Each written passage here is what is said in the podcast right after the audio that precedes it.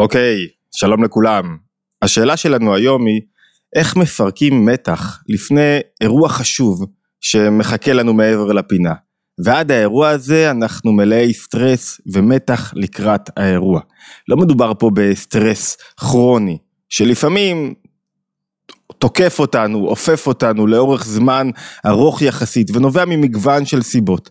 כאן יש סיבה מאוד ברורה, זה לא רק האופן שבו אני מסתכל על החיים, זה לא רק העומס שיש לי בעבודה, זה לא רק זה שאני לא מוצא את המקום שלי ורוצה להיות במקום אחר מהמקום שבו אני נמצא, כאן יש סיבה מאוד ברורה, יש אירוע, והאירוע הזה יכול להיות מבחן שמחכה לי, יכול להיות אירוע משפחתי, חתונה, יכול להיות אה, זמר שעולה לבמה וכרגע מחכה לו הופעה גדולה שהיא עבורו, בזווית הראייה שלו, קריטית להמשך הקריירה שלו.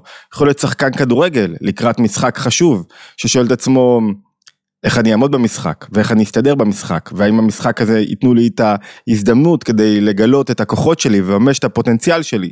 לכולנו יש פיקים, אירועים משמעותיים בחיים שבעצם אנחנו עומדים לסוג של בחינה לפני קהל חיצוני, או כדי לראות האם באמת אנחנו מגלים את הכוחות שלנו באופן נכון, והבחינה הזאת מעמידה אותנו בסטרס, ולפעמים הסטרס הזה בעצימות גבוהה, והסטרס יכול לגבות מחיר, מה המחיר שהסטרס גובה? כמו סטרס כרוני, לסטרס יש מחיר.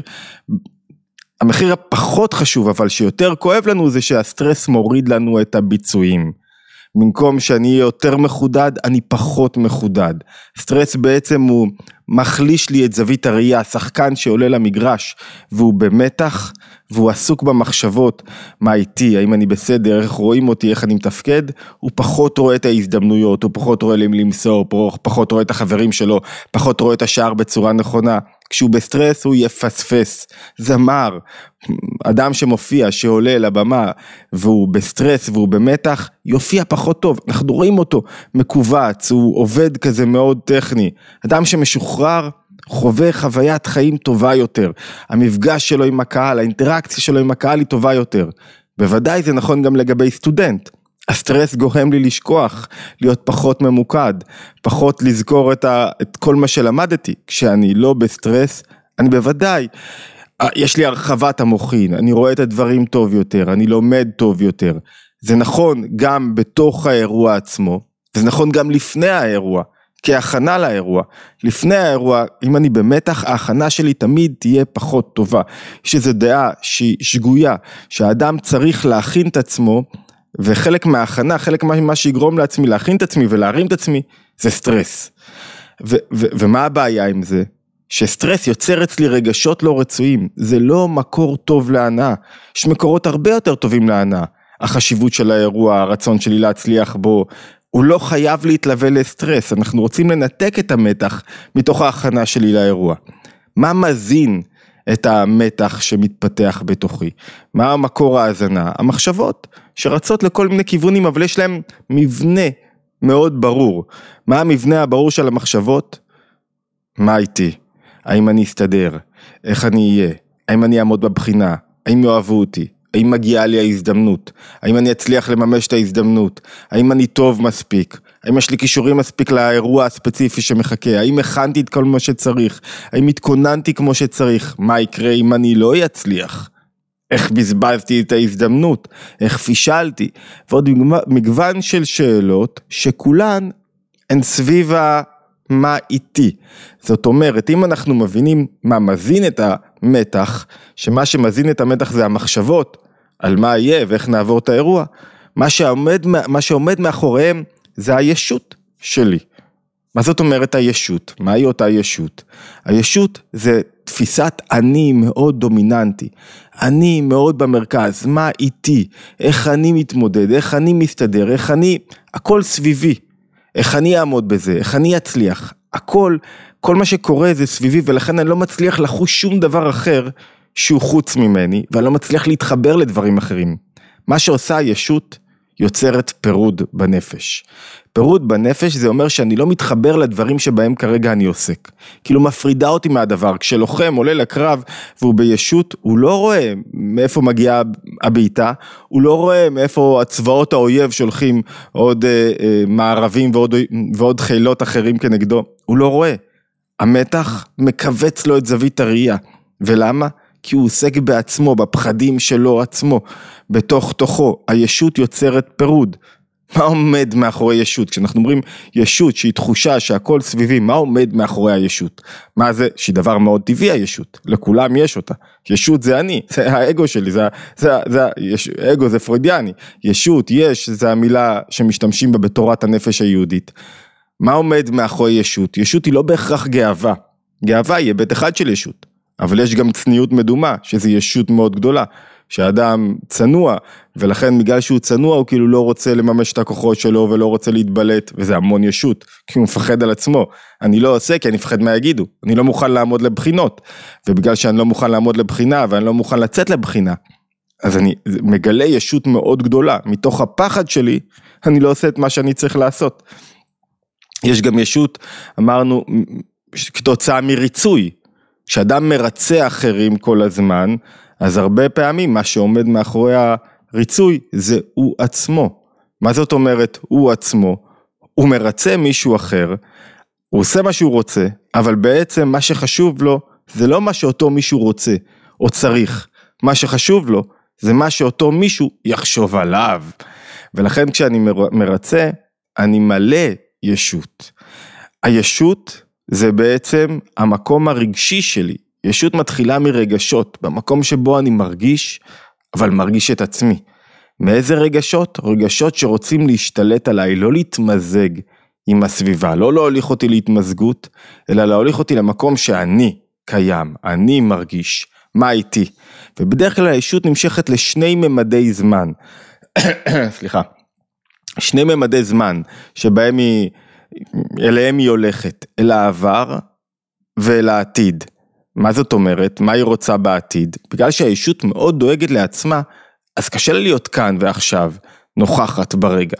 אז היא עוסקת במה יהיה, איך הדברים יסתדרו, איך ילך לי. כל מגוון השאלות שקשורות במה יהיה, שהן עומדות ביסוד גם החרדה. חרדה זה ביטוי מאוד גדול של אישות. או במה היה, איך הייתי, איך התמודדתי, איך, אה, למה עשיתי את הדברים ככה, אולי טעיתי, איך אהדו אותי, זאת אומרת, יש סכנה של מתח לשחקן אחרי שהוא יורד מהמגרש, לזמר אחרי שהוא יורד מהבמה, לסטודנט אחרי שהוא מסיים את הבחינה, לא פחות מאשר לפני.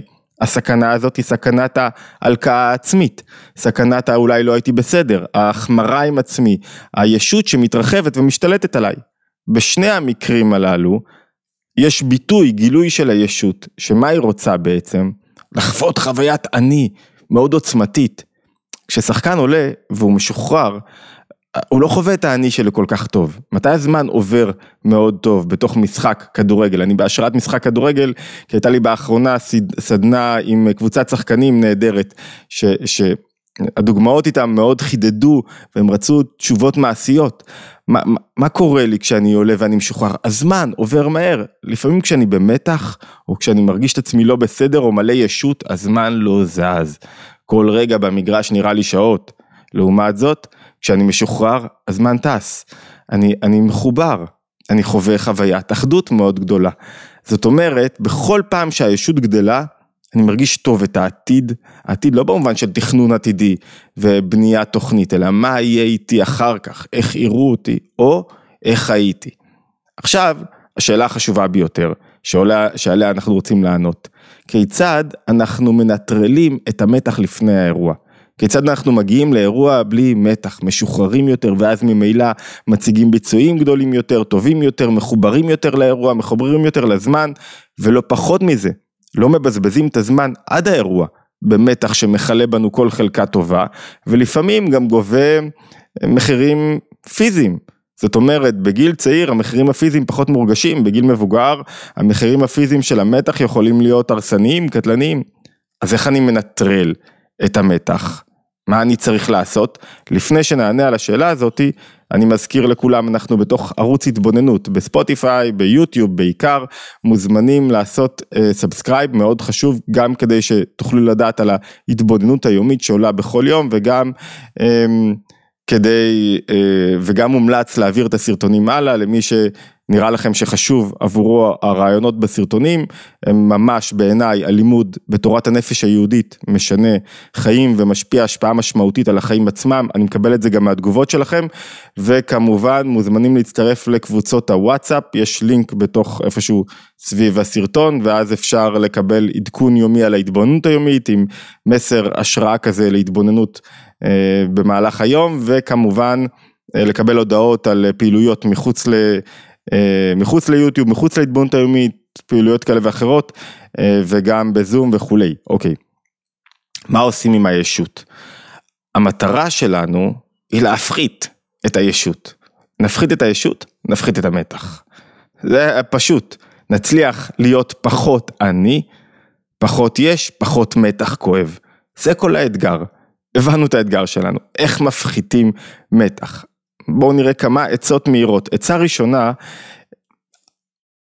אמרנו שהישות רוצה לחיות בעתיד, במה יהיה, או בעבר, באיך הייתי. לא מה יהיה עם העולם, מה יהיה איתי, עליי אני דואג, על עצמי, על איך אני אהיה, איך אני אתמודד, איך אני אצליח. מה אנחנו צריכים לעשות? להחזיר אותה לזמן הווה. זה אחד הדרכים הטובות כדי להשתלט על הישות.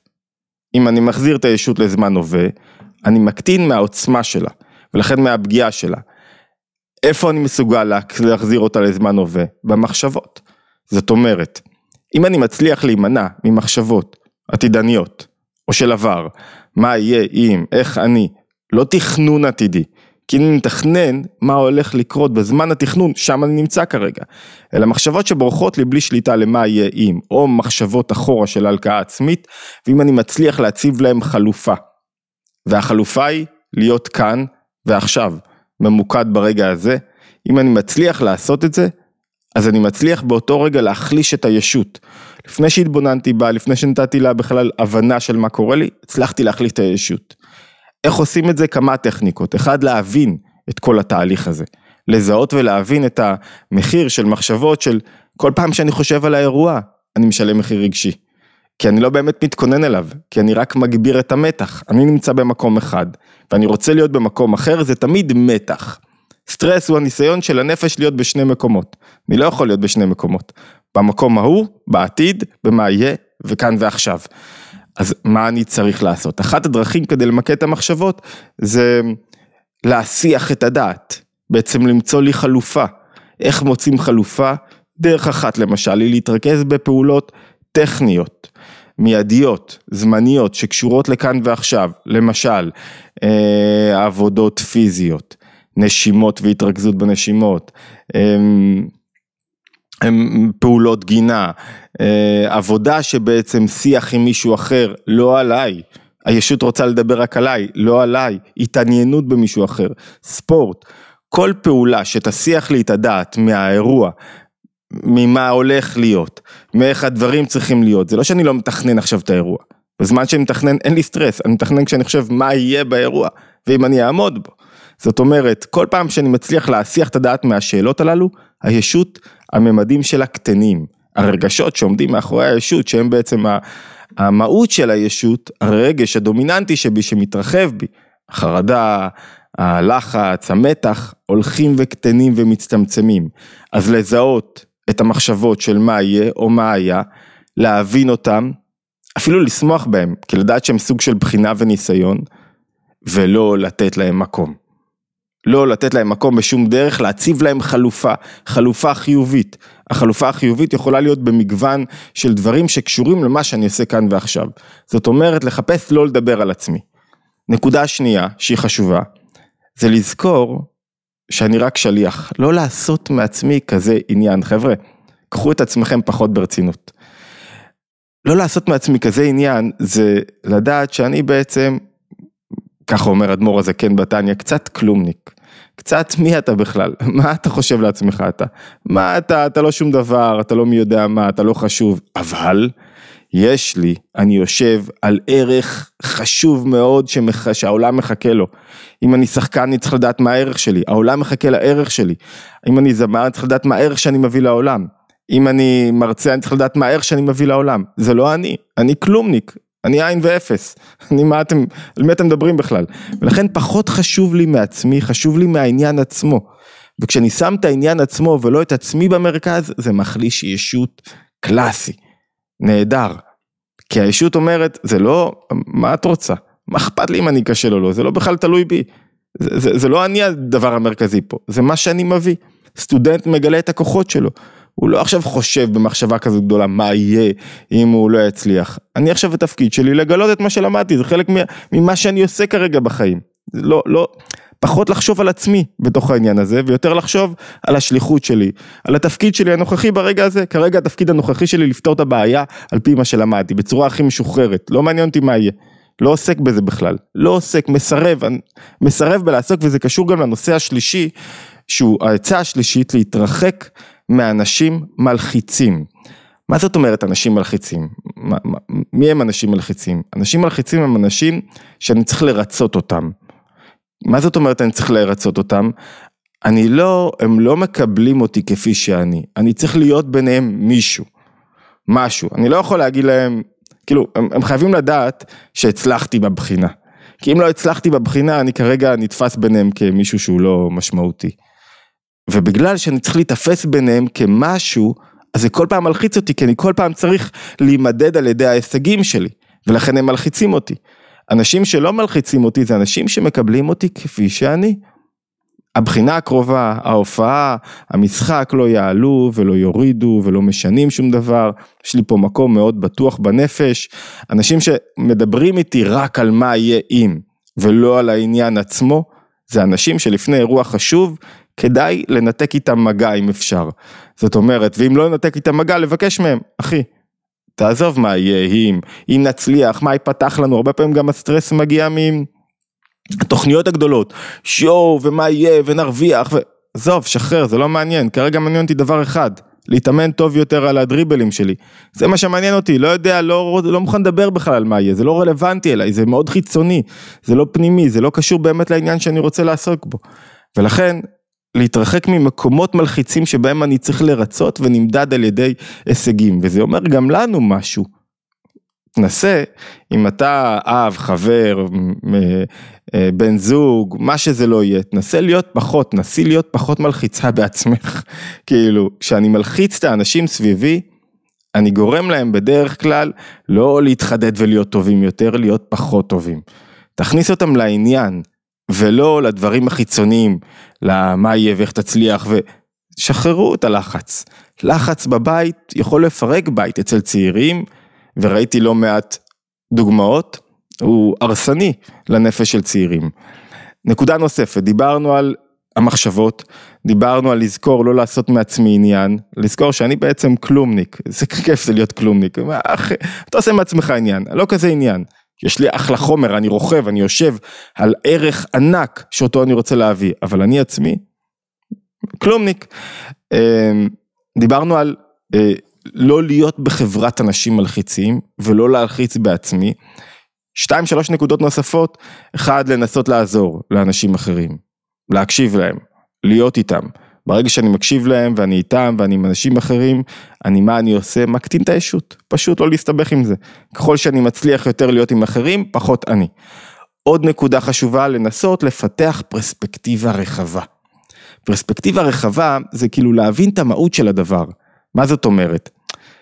כדורגלן צריך ללמוד קצת על פילוסופיה של הכדורגל, מה זה, מה זה עושה, למה זה חשוב, אה, זמר, קצת להבין על המהות של בידור, קצת להרחיב את הפרספקטיבה של מה שאני עושה, ולהציב את עצמי בפרספקטיבה הנכונה. מה עושה הרחבת הפרספקטיבה? הישות לא אוהבת את הרחבת זווית הראייה, היא רוצה להיות רק בואו נדבר רק עליי. מה אני עושה לה באותו רגע? אני מצמצם אותה, כי אני מביא זווית ראייה רחבה יותר. ואני שם את עצמי בתוך קונטקסט, ולכן זה כל כך חשוב. שתי נקודות נוספות, אה, לימוד בכלל, קשה ללמוד בזמן מתח, כי השכל חלש והרגש חזק, הישות החזקה לא נותנת לשכל להתגבר. בכל זאת, להתעקש, לקבוע זמן, לקבוע מרחב, לקבוע חברותה ולשבת ללמוד. מה עושה הלימוד? מחליש את המתח. מוציא את עצמי קצת מדיבור, רק מה יהיה ואיך אני ומה עם עצמי. והנקודה האחרונה חביבה שאני רוצה ככה בדקה שתיים שנותרו, זה ללמוד ביטחון ואמונה. מה זה ביטחון ואמונה? לדעת שהכל מדויק לי ואני אקבל מה שצריך ואני אופיע כמו שצריך והדברים יסתדרו לטובתי. לחזק את הנקודות הללו של ביטחון ואמונה, יש לנו לא מעט סרטונים על ביטחון ואיך מפתחים ביטחון. וזו נקודה מאוד חשובה בנפש, כי בביטחון אני בא יותר קליל. כשאני מגיע לכל מקום עם ביטחון, ההישגים שלי, הביצועים שלי יהיו תמיד יותר טובים. והכי חשוב, נקודה אחרונה, לשכנע את עצמי שהמתח לא מועיל לי. הרבה פעמים אנחנו מחזיקים במתח, שומרים אותו אצלנו, שומרים אותו כדבר משמעותי כי אנחנו חושבים שהוא גורם הנאה, שבלי המתח אני לא אגיע מוכן לאירוע. הפוך לגמרי, עד שלא תשתכנעו, להוציא את הדעה הקלוקלת הזאתי, שכאילו המתח הוא זה שמשפר לנו את הביצועים, והוא זה שמעורר אותי, קצת מתח טוב, הרבה מתח לא טוב, זה הדעה הרווחת, עד שלא נצא מהדעה הזאת, אני לא אשחרר גם את הקצת מתח. אני לא צריך קצת מתח כדי להיות טוב, אני צריך לרצות, לכוון את כוחות הנפש שלי, לרצות, להיות טוב, אני עולה לסרטון, אני מתוח, אני שוכח מה אני רוצה להגיד. אני עולה לסרטון, אני משוחרר. אני חווה חוויה, כאילו המצלמה זה אתם וכיף לנו ביחד. אז, אז הכל יוצא יותר טוב. קצת מתח לא יעזור לי. הרצון להביא את הערך ש, ש, שאפילו לא שלך, שאתה מרכבה לערך הזה, הוא הרצון הקובע. ולכן צריך לזכור לא לעשות, לא לתת למתח מקום. אם אני לא מתחיל בלרצות לצמצם את המתח ולפרק אותו, אז אני נותן לו מקום, כשאני נותן לו מקום הוא ירצה להתרחב. למה? כי מאחוריו עומדת ישות. והישות חביבים רוצה את המקום שלה, רוצה להתרחב. אוקיי, התבוננות יומית, מוזמנים מאוד, חשוב לנו מאוד וחשוב גם שנהיה בקשר, להירשם לערוץ, subscribe אה, ומוזמנים כמובן לשתף והדבר האחרון אמרנו קבוצות הוואטסאפ, להשתמע בהתבוננות היומית הבאה.